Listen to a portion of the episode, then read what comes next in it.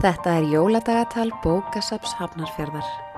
Æventýri lestralemursins og vina hans.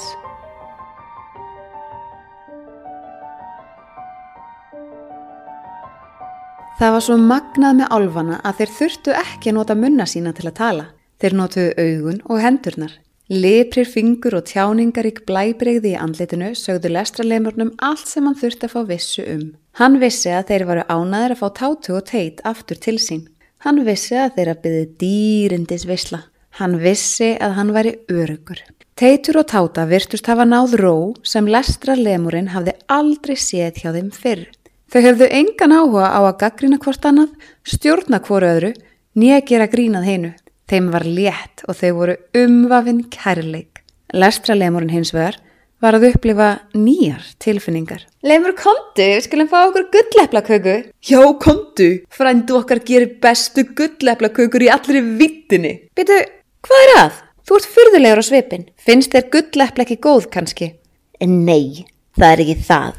Mér finnst þau alveg ágætt, svaraði lestralemurinn sem hafði reyndar aldrei borðað gullepli en fannst hann knúin til að þykjast þekkja gullepli vel. En hvað er það þá? Ertu hrættur við tímabrunnin hérna? Byrtan af hann um skíndaldi í augun. Nei, ég er ekki bönhrættur við hann og mér er alveg sama um þennan fína tímabrunn ykkar. Þið megi bara eiga hann alveg sjálf. Þögn sló á hópin. Engin hafði upplifað lestralemurinn í svona ástandi áður. Hann var vanalega svo blíður, kátur og forvitin. Leðtója álfana gekk hægt að lestralemurnum, horfði í augu hans og breytti út faðmsinn.